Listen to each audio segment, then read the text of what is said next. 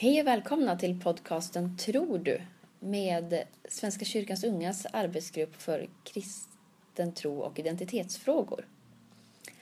Det här är Ida som pratar. Och här är Maria. Och idag ska vi prata om nattvarden och vad det innebär för någonting. Och det är ett ämne som har blivit önskat faktiskt av en eh, som har hört av sig till oss via Twitter. Så att om du också har idéer på något ämne som du skulle vilja att vi diskuterade så får du jättegärna höra av dig efter det här. Jag tänkte att vi kan ju börja med att se vad Bibeln säger om nattvarden. Mm. Vad är instiftelseorden och grunden? Ja, om man, eh, om man tittar i eh, till exempel i första Korintierbrevet där Paulus skriver till församlingen i Korint så skriver han så här. Jag har själv tagit emot från Herren det som jag har fört vidare till er.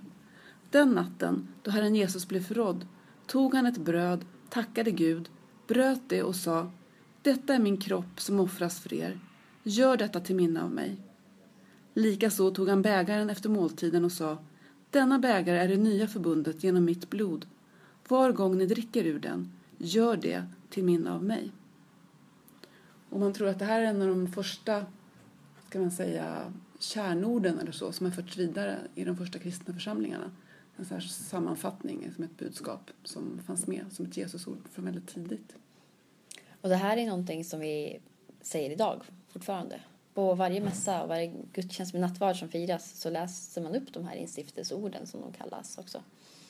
Och man menar att det är väl ungefär, det, det är då man börjar fira nattvarden. Det är då den delen i gudstjänsten börjar, kommer.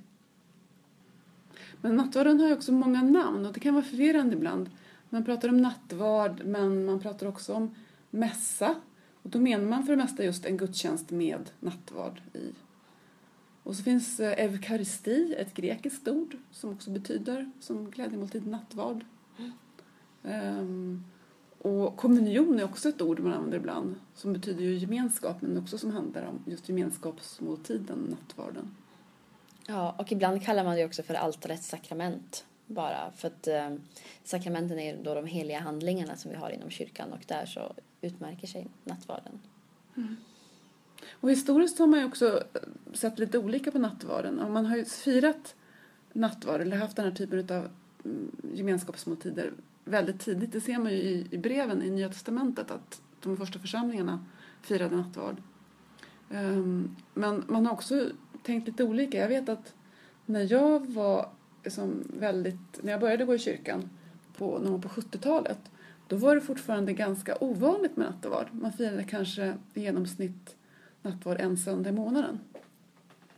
Och sen så skedde det någonting på 1980-talet att det blev en slags nattvardsväckelse som man säger. Att, att nattvarden blev plötsligt eh, mycket mer central och viktig. Och då gick det från gradvis att man började fira oftare och oftare och idag är det snarare normalt att man varje söndag firar nattvard i söndagsgudstjänsten. Och eh, ja, nattvarden är ju då instiftad av Jesus men grund, till grunden av det så ligger ju också den judiska påskmåltiden som är väldigt central i just de delarna i evangeliet för att det är, det är påsken som är nära och Jesus ber sina lärjungar att göra i ordning en påskmåltid. Och på samma sätt som judar idag fortfarande firar en påskmåltid som ett minne så har vi också då nattvarden istället som är det förbundet som Jesus instiftade som ett sätt att ja, både komma ihåg vad som har skett men också att verkligen ta del av Guds gemenskap och närvaro väldigt direkt. Mm. Man kallar ju ibland nattvarden just för en åminnelsemåltid. Och då menar man både som du säger att det är ett, ett minne som blir levande men också att det på något vis, man, genom att vi återupprepar det så blir det aktuellt. Det, det som skedde då, det sker nu. Det är inte bara något som vi minns utan något som faktiskt blir verklighet när vi firar nattvard. Jesus är liksom fysiskt närvarande i vår gemenskap när vi firar nattvard. Och det, det skiljer sig lite grann mellan kyrkorna vad, på vilket sätt man ser på nattvarden. Det till exempel i den katolska kyrkan så pratar man mer om någonting som kallas för transubstantionsläran. Och det innebär att man eh, tror att brödet och vinets eh, substans, liksom den inre kärnan, verkligen ändras. Det blir Gud och det upphör att vara bröd och vin under den stunden. Det blir konsekrerat, sig, kallar man det. Och eh, när det väl har skett så kommer det inte heller att gå tillbaka till att bli bröd och vin igen efteråt. Utan det kommer fortsätta att alltid vara konsekrerat. Och det är också eh, efter, efteråt nattvarden så kan man förvara då det här konsekrerade brödet och vinet på en speciell plats i kyrkan och man kan använda det vid eh, bön och tillbedjan. Eh, mm. Även när den mässan är avklarad. Ja, de har, I katolska kyrkor har man oftast en, som en ställning där man har liksom hostian, eller liksom det, hel, ja, det heliga konsekrerade brödet, eh, som kallas monstrans. Och då kan man, det är som en plats i kyrkan dit man kan gå och liksom, eh, tillbe inför Jesus då, att han är närvarande där. Mm. Men Luther, som är ju vår anfader i lutherska kyrkan, han gjorde en liten eh, så att säga, justering av det där. Så att i lutherska kyrkor så brukar vi säga att vi har något som heter konsubstantiationslära. Alltså transsubstantiation, då har man trans, det har med transformera, med förvandling att göra. Och konsubstantiation har med kon, med tillsammans att göra. För Luther tänkte sig att brödet och vinet det är Jesu kropp och blod men under bröd och vins gestalt. Så att det är fortfarande bröd och vin men Jesus kropp och blod är närvarande i brödet och vinet. Så det är liksom både och samtidigt. Och egentligen så tänkte nog Luther sig själv att det här gäller bara under själva nattvardsfirandet. Alltså den här förvandlingen sker i samband med att vi firar nattvard. Men efter att nattvarden är avklarad då tänkte han sig nog att brödet och vinet återgick till att vara bröd och vin. Men jag har ju märkt det och det har ju du också sagt Ida att det är lite olika hur vi konkret i Svenska kyrkan behandlar brödet och vinet. En del behandlar det bara som att ja, men nu är det bröd och vin igen så att man kan hälla ut det som är kvar i kalken i, i vasken och diska det liksom som vanligt i köket. Medan på många andra ställen så har man ju antingen något som kallas för en piscina, som är som ett litet handfat eller man säger speciellt där man häller ut vinet så att det rinner ner i den konsekrerade välsignade jorden under kyrkan. Eller att man tar ut det utanför kyrkan och häller liksom i den heliga jorden på, på kyrkogården för att markera att det här är det är ändå något speciellt med det här vinet och det här brödet som blivit välsignade. Så att det är inte som vilket som helst. Nej, precis. Och i vissa kyrkor vet jag också att eh, till exempel prästen eller kyrkvärden dricker upp det vinet som har blivit över. Mm. Så att man slipper fundera på hur man ska hantera det. Um, Men så finns det ju också de kyrkor där man har en rent som helst symbolisk nattvardssyn. Um, I många frikyrkor till exempel så menar man just att det här är en symbol. Bröd och vinet är hela tiden bara bröd och vin. Men vi kommer ihåg Jesus och Jesus är symboliskt närvarande när vi tar del av brödet och vinet. Så det finns liksom hela spektrat av olika tolkningar av, av hur man ska se på det inom kristenheten. Precis. Men det finns ju också mycket som är gemensamt över alla kyrkoinriktningar. Och där tror jag speciellt att gemenskapen är det viktiga. Att man eh, har gemenskap med varandra. Att alla som firar nattvarden tillsammans har en gemenskap. Och man pratar mycket det här om att vi är alla en del av Kristi kropp. Och när man tar del av nattvarden så blir man verkligen en del av Kristi kyrka och av Kristi kropp. Och på så sätt så får man ju också ja, man, man gör någonting fysiskt men man blir då delaktig i någonting mer andligt som står över den här fysiska handlingen som sker. Jag har ett väldigt starkt minne av när jag var gravid med mitt första barn ehm, och var kanske ja, fjärde, femte månaden, du vet när barnet börjar liksom röra sig, man kan känna sparkar och så, så det hade liksom blivit verkligt för mig på ett annat sätt. Och då kommer jag ihåg att jag var på ett läger och tog nattvarden eh, och så kände jag just det här att det är någon jag, jag, får det här in i min kropp, Jesu kropp och blod, Jesus blir, blir en del av mig och blir också en del av mitt barn som är en del av min kropp. Så det blir en sån tydlig symbol för det här att eh, Jesus är liksom fysiskt eh, närvarande. Jag blir liksom fysiskt en del i gemenskapen med Jesus. Men vi är också en del utav gemenskapen med alla människor över tid och rum. Inte bara de som är här i rummet just nu utan alla som har firat nattvard och alla som kommer att fira nattvard. Att vi på något vis rent fysiskt symboliskt ändå hör ihop. Och jag har också tänkt att det är något fint med nattvarden, precis som med inkarnationen, det här att Gud blir människa. Att Gud kommer till oss genom någonting fysiskt och konkret, som bröd och vin. Ehm, det på något vis visar oss också att, att det heliga, det är inte bara någonting andligt fluffigt långt borta i himlen, utan det heliga finns här och nu, i, också i det konkreta och fysiska. Ja, och den här gemenskapen också som vi pratade om. Jag gillar den tanken att ehm, även om man själv inte kan gå i mässa, att det faktiskt firas mässa överallt i hela världen. Och att vi har någon slags kontakt med varandra. Och att även om man bara sitter hemma söndag klockan 12 eller halv 12 eller någonting så kan man känna det att nu firas det faktiskt mässa runt om i hela landet och alla vi alla får del av den här fantastiska gåvan. Och jag tror mycket det att man får inte glömma bort att nattvarden består av två olika aspekter kan man säga. Det är både den här glädjen och närvaron och eh, ja, tacksamheten som man får via eh, nattvarden. Och det är samtidigt också ett offer och att det, är, det blir en symbol för, för det lidandet som, som Jesus hade. Och att man kan inte ha det ena utan det andra. När man firar nattvard så får man både och. Man får både glädjen och man får nåden. Men samtidigt så när man känner, när man känner lidandet som har gått innan så tror jag att man, att man får som ett ansvar. Ett, både ett ansvar mot alla de som har firat nattvard tillsammans med en. För då är man ju ändå en, som vi säger. Mm. Att eh, alla får vi del av ett och samma bröd. Vi blir en kropp. Och då får man faktiskt någon typ av eh, solidaritetskänsla för varandra. Vi måste ta hand om varandra. Och vi kan inte bara välja de positiva delarna i det utan vi måste ta med det som känns svårt och jobbigt också. Och det finns ju en, en psalm som handlar om nattvarden som är populär inom Svenska kyrkans unga och den här Vi reser ett tecken. Och den handlar just om det här eh, att på något sätt, alltså, nattvarden blir också en symbol för det vi strävar mot, det vi vill ha. Alltså en värld där människor delar gemenskap med varandra, där alla har tillräckligt mycket att äta. Eh, en värld liksom där, som grundar sig på gemenskap och fred eh, istället för på orättvisor och ojämlikhet. Och att på det sättet så pekar också nattvarden framåt mot eh, alltså världens och tidens slut. Alltså den himlen och det som Alltså den, det återställelse av allt som vi tror att Jesus kommer att åstadkomma när Jesus kommer tillbaka. Så att den här tidlösheten den går ju både tillbaka i tiden mot alla som har firat nattvard förut men också mot framtiden och det vi inte har sett ännu som vi liksom strävar mot och, och vill ta emot alltså i framtiden. Men jag tänkte på det, att du pratade om också det här med att um, offret som finns, eh, alltså att Jesu offer, att han gav sig själv eh, och dog och att vi som symboliskt också tar emot offret när vi, när vi delar bröd och vin. Ehm, det, är, det, är, det är något som kan vara svårt men jag också tror att det kan vara det som har gjort att nattvarden har en särskild laddning, en särskild helighet. Det står ju också någonstans i Korinthierbrevet eh, att Paulus skriver om hur viktigt det är att man tar emot nattvarden liksom medveten om vad det är för någonting man tar emot. Att det inte är vad som helst liksom, utan att det är verkligen Jesu offer som vi blir delaktiga i.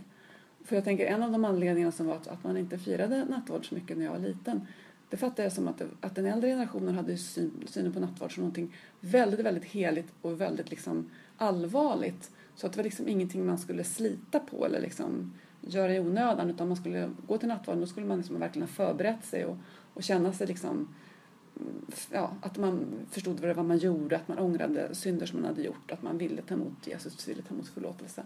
Och att de som, jag vet att det fanns en del äldre damer i församlingen som blev ganska som stötta när, när man började fira nattvard oftare för de tyckte att ja, men då blir det inte samma sak längre. Då blir det liksom utslitet och vardaglig, vardagligifierat. Liksom. Att heligheten på något vis blev mindre när man gjorde det för ofta. Så att, och det tycker jag är intressant att man kan tänka så. man skulle kunna tänka tvärtom, att man, det blir liksom mer av en bra sak, bara bättre. Istället för att det skulle liksom bli förminskat genom att man gjorde det ofta. Ja, precis. Jag, jag gillar tanken av att mässan, eller nattvarden, kan vara grunden till allting i, i ens liv. Att man kan fira mässan nästan varje dag. Att mässan är det som, som ger kraft att orka fortsätta och till det som styrker och det som bär. Och det är verkligen grunden i kristendom. Jag skulle kunna tänka mig att ta bort, ta bort väldigt mycket om man tänker så. Man skulle kunna skala av rätt mycket i kyrkan för vi gör väldigt mycket saker som inte alls känns motiverade alltid. Men när det gäller nattvard, där finns det ingenting som som går att ta bort. Nattvarden är det den är och måste få vara det. Och det är det som är så vackert med det. Och så, så lyftande. Mm. Vi har ju varit en, alltså traditionellt så har ju en, den, lutherska kyrkan, den lutherska kyrkan har ju ofta varit väldigt fokuserad på predikan och förkunnelse. Alltså det har varit viktigt att alla skulle lära sig läsa, alla skulle kunna, liksom, eh, kunna sin katekes och förstå sin bibel. Och, alltså på det sättet har vi kanske varit lite mer intellektuella.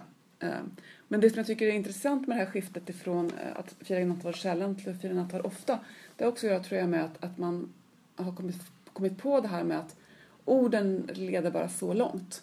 Att nattvarden kommunicerar på ett sätt som går bortom orden. Att även om man inte liksom förstår, för vem kan egentligen förstå vad det är som händer i nattvarden? Det går ju liksom inte intellektuellt att förklara på ett så helt, helt sätt. Ändå så kan man liksom gå till nattvarden och uppleva alltså, känslan av helighet, av gemenskap, av att det händer någonting som man inte förstår men som ändå är verkligt. Så jag har ofta tänkt på att, att, att vi har gått mot mer nattvardsfirande, det har också att göra med att vi har fått en mer respekt för att riten i sig, liksom, symbolen i sig, kan förmedla någonting bortom orden, där vi inte måste förklara sönder allting. För när jag eh, konfirmerades, då hade man ju fortfarande konfirmationen som ett krav för att få gå till nattvarden. Och då var det utifrån någon slags tänkt tanke att man måste förstå vad det är man gör när man går till nattvarden, annars blir det fel. Eh, medan man sen, bara några år senare, början på 80-talet, då började man eh, komma fram till att ja, men varför då? Det är dopet som är grunden för som att vara kristen. Barn måste kunna gå med sina föräldrar till nattvarden och ta emot det även om de inte, även om de inte skulle kunna förklara på en liksom, examen vad det nattvarden betyder. Liksom. Och då tänker jag att det, det är någonting starkt i det. Att nattvarden har liksom en kraft som man kan ta till sig även om man inte liksom, på ett teoretiskt, teologiskt sätt kan förklara vad det betyder för någonting. Jag tycker att eh, nattvarden i sin fysiska gestalt på det sättet, att det blir någonting fint för att man, man tillåter sig själv att, att vara mänsklig i nattvarden. Att man kan inte, precis som du säger, man kan inte förklara allting och vissa saker måste man bara få känna och uppleva mm. precis för det de är. Och det är därför det, det, är så speciellt med nattvarden, just för att det är en måltid. Och det är någonting man kan relatera till, till så mycket annat i sitt liv. Alla de gånger man suttit ner med vänner och bara ätit god mat eller med familjen eller att man faktiskt måste äta varje dag. Man kan, inte, man kan inte vara utan det. Precis på samma sätt som jag tror att vi egentligen inte kan vara utan nattvarden. Den är grunden. Det är det som ger oss bränslet. Och jag gillar att man inte behöver kunna förklara allting. Att vissa saker får man faktiskt bara uppleva. Och få ta emot. Att det blir en gåva. Och att man inte heller behöver förklara alltid varför man vill gå i mässa eller varför man vill ta emot nattvarden eller hur man ser på den exakt. Utan att det räcker att känna en hjärtats längtan till att jag vill. För jag tror att det är där Gud kallar oss och jag tror att det är det som är grunden. Och det tycker jag också är spännande för att um, vi har, i, i som kyrkans ordning så säger vi att dop kommer före nattvard. Att man ska, helst, man ska vara döpt innan man går till nattvarden. Uh, men jag vet ju från när jag själv haft konfirmander att det är ju ofta som konfirmander som inte är döpta alltså spontant vill gå till nattvarden. Um, och det blir liksom ett problem om det är några som inte är döpta och några som är döpta. Därför att det här liksom, de känner att de vill vara med i gemenskapen. Um, och ibland så har jag tänkt att det intressanta är att många, för många idag tror jag att, att vi börjar efter i andra änden. Att det är inte alla som döps när de är små men de kan komma till kyrkan senare i livet och då är det nattvarden som drar. Och det är det som kan göra att man vill bli döpt för att man känner att den här gemenskapen vill jag bli en del av. Så att det liksom vänts, ja, perspektivet har vänts. Att det är nattvarden som kommunicerar liksom och, och drar, missionerar kanske snarare än, än dopet idag. Men det jag också funderar på, det är något som jag ibland fått höra när jag har liksom pratat med skolelever och sånt där, det är att de tycker att det är så konstigt med nattvarden här att äta Jesus kött och, liksom blod, det är äckligt liksom. Varför vill ni göra det? Kannibalistiskt liksom. Um, och, jag, jag, kan förstå det, alltså om man bara hör det, liksom, Jesus som kropp och blod. Och, men dels kommer jag ihåg att när uh, jag läste religionshistoria, då blev jag liksom så här, ja, glatt överraskad, eller jag ska säga, att upptäcka att just det här temat av att måltidsgemenskap där man symboliskt liksom äter en del av guden på något vis, att det inte är helt unikt för kristendomen, att det har förekommit i andra religioner. Uh, och jag tänker att det i sig Um, ja, det kan ju verka kannibalistiskt. Det finns liksom um, kannibaler där, alltså, där man symboliskt äter sin fines hjärta eller någonting för att få del av dens livskraft. Men det är på något vis ändå en spegling av samma tanke. Det att, att det här att man tar in någonting i sig själv det betyder att man delar liksom kraften i den andra. Att livskraften är någonting som man tar till sig. Och jag tycker att det är ändå någonting i grunden sympatiskt i den symboliken. Att jag, jag får liksom Jesu kraft, jag får liksom Jesu kärlek genom att ta del av det, att han ger sig själv till mig. Så att, eh, ja, jag kan förstå det som kannibalistversionen Men alltså, även de religioner som har liksom den typen av måltider så är man ju alltid väldigt tydlig över att det är symboliskt. Det är inte så att man äter bebisar eller liksom offrar människor så. Utan det är på något vis en symbolisk delt deltagande i kraften som är liksom det som binder ihop. Och det är väl en sån sak som folk har blivit förundrade över när det gäller kristendomen under en väldigt lång tid. Jag vet att det finns historier om eh, romerska soldater som skulle spionera på de kristna och se vad håller de egentligen på med. För att man hade hört rykten om att de kristna åt blod och åt någons kropp under sina gudstjänster.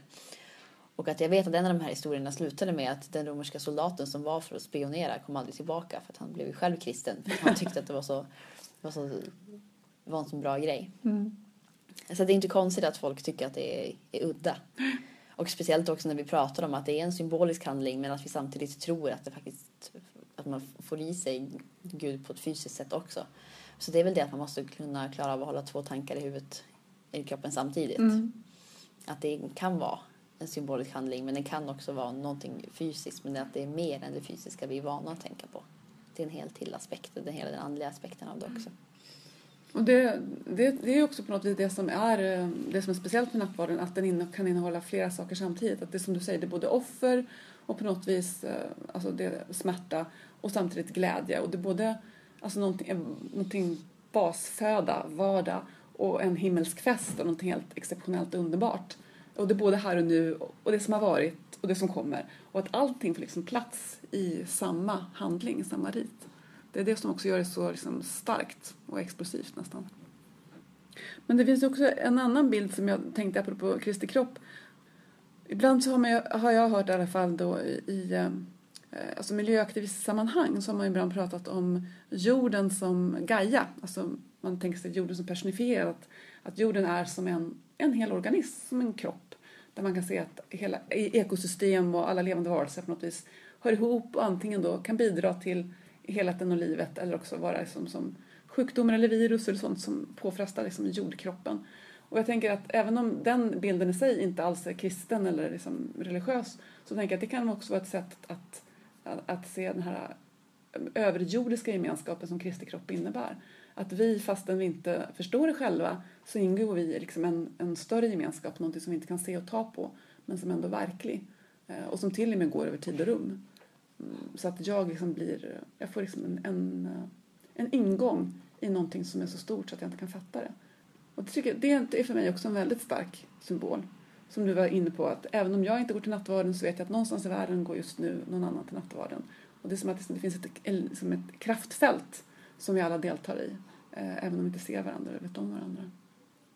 Jag tänker att eh, man kan tänka att eh, det finns ingen omvärld. Vi existerar bara i en samvärld.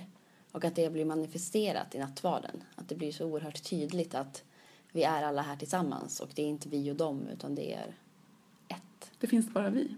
Mm. Det var ju också, precis det, det var ju någonting som eh, en av astronauterna som åkte till månen sa att, att det var en av de stora insikter han fick när han liksom såg på jorden från månen så sa han att då fick jag för första gången klart för mig att det finns inte vi och dem, det finns bara vi. Och det är liksom samma bild just där att ja, vi är ett. Det är så, rent fysiskt och rent som praktiskt, lika väl som andligt. Jag tänker tillbaka lite på det vi pratade om innan, att man förutsåg nattvarden som någonting väldigt speciellt som man var tvungen att förbereda sig för. Och kanske lite tanken att man var tvungen att förtjäna det lite grann. Mm. Man var tvungen att ha presterat tillräckligt bra innan. Och jag tycker det är väldigt skönt att den tanken inte finns kvar idag. Och att i och med att nattvarden är nåd och att man kommer dit som förlåtelse och att man inte behöver man behöver inte göra någonting speciellt för att få ta del av det. Man är ändå välkommen. Och ibland tycker jag ändå att man kan känna om, om man har gjort väldigt mycket fel till exempel, att man känner att man har syndat och att man, man inte känner sig som en bra person mm. och att man skäms över det. Så är det ändå att när man kommer till nattvarden så är det helt okej. Okay. Att mm. allting blir förlåtet i den handlingen. Och att man har alltid synd och bekännelse innan nattvard också och att de två hör ihop ändå. Mm. Och jag brukar tänka på det att i Bibeln, nu kanske jag har fel, jag är inte helt säker. Men, men när, när Jesus instiftade så eh, han vet ju om att han kommer bli förrådd av sina mm. vänner. Men trots att han vet om vilka som kommer förrå honom eller förräda honom så sitter de ändå vid bordet i gemenskapen och delar nattvard för första gången. Så trots att Jesus är helt medveten om att de här personerna kommer göra hemska saker, de här personerna kommer förråda mig och sälja ut mig, så får de ändå vara med i nattvardsgemenskapen. Och det i sig tycker jag visar vad nattvarden är. Och att nej, vi måste faktiskt inte förtjäna det, vi måste inte prestera innan utan det räcker med viljan att vara där mm. för att man ska få delta. Precis det du säger nu, det här att, att man skulle förbereda sig, det var, det var också en, det fanns ju också till och med i, här, i fastlagt liksom, i en, en ordning för det att man skulle gå till, på den tiden, och det är långt tillbaka, jag vet inte om det är 1600-1700-talet, men ett tag var det så att man kanske gick till nattvard en gång om året. Men då, då var det också så att då fanns det fastslaget att då skulle man gå till bikt först. Och det var just utifrån det här att man måste bli ren innan man kan gå till nattvarden. Inte för kanske för att förtjäna den, men för att man ska ha ett syndamedvetande och liksom en, en tacksamhet för att vad Jesus har gjort och en insikt om att jag vill bli förlåten. Men jag lägger bort det här liksom innan jag går till nattvarden. Och ibland hör jag de som säger att de tycker att men det får inte bli för liksom enkelt och billigt. Det finns ju till exempel, jag hör någon som sa så att ja men det där att vara kristen det verkar ju så enkelt för man bara liksom, man bara säger att man vill ha förlåtelse så får man förlåtelse och så kan man göra vad, man vill. Och jag tänker att då har man ju missförstått det här för att gemenskap, att man vill ha gemenskap med Jesus det måste ju ändå vara ärligt menat. Det kan ju inte vara bra att nu går jag dit och säger förlåt mig och så får jag förlåtelse och så är allting bra. Man måste ju verkligen ha någon slags insikt om att man behöver förlåtelse.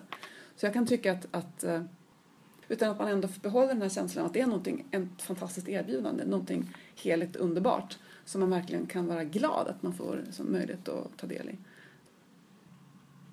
En sista avslutande grej när det gäller nattvard.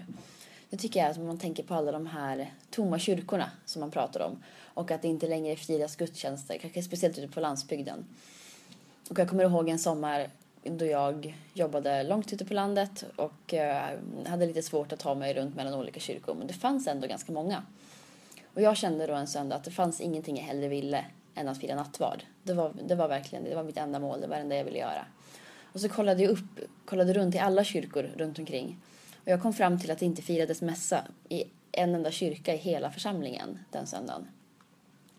Då blev jag så himla ledsen. För jag tycker att nattvarden i sig är värd att firas. Även om det inte faktiskt är någon som kommer dit. Om det bara är prästen som står där och firar, kanske tillsammans med en vaktmästare och en kantor, så är det i sig ändå tillräckligt. Det behövs inte mer. För att jag vill veta att, att jag är med i en kyrka där det firas nattvard och att det firas nattvard överallt. För att det i sig räcker. Det behöver inte vara mer än så, för det, det är redan så mycket att vi inte kan förstå det. Det finns en, en novell av en uh, skotsk författare, tror jag, George MacDonald. Han har skrivit en, en, en, novell som handlar just om en, en ensam keltisk präst som står på den här tiden när vikingarna härjade liksom, i norra Skottland. Eh, och han är ensam på en liten ö där på skotska kusten i sin kyrka och de har liksom fått varningen att nu kommer vikingarna nu. Som, så han ska försöka rädda, han ska ta altarstenen och gräva ner den så att liksom, det heligaste inte kan bli förstört. Och så, så, så, gör, så, så firar han nattvard ensam där vid altaret innan han lämnar kyrkan. Som en slags desperat ja, men Jesus är i alla fall här och även om vikingarna dödar oss allihop så kommer liksom, ja, det heligaste kommer att finnas kvar. Så jag tänker att du har, det, det är någonting vackert i det också. Att eh, det är någonting som är sant oavsett, eh, ja, oavsett om vi tror på det eller inte så är det någonting som kommer att finnas kvar långt efter att vi är borta. Och det har liksom en egen helighet som ingen kan ta bort. Jag läste en bok också från eh, andra världskriget. Eh, eller om förintelselägren. Och som hette Priest Block. För det handlar om de speciella eh, delarna av lägret där man satte katolska präster.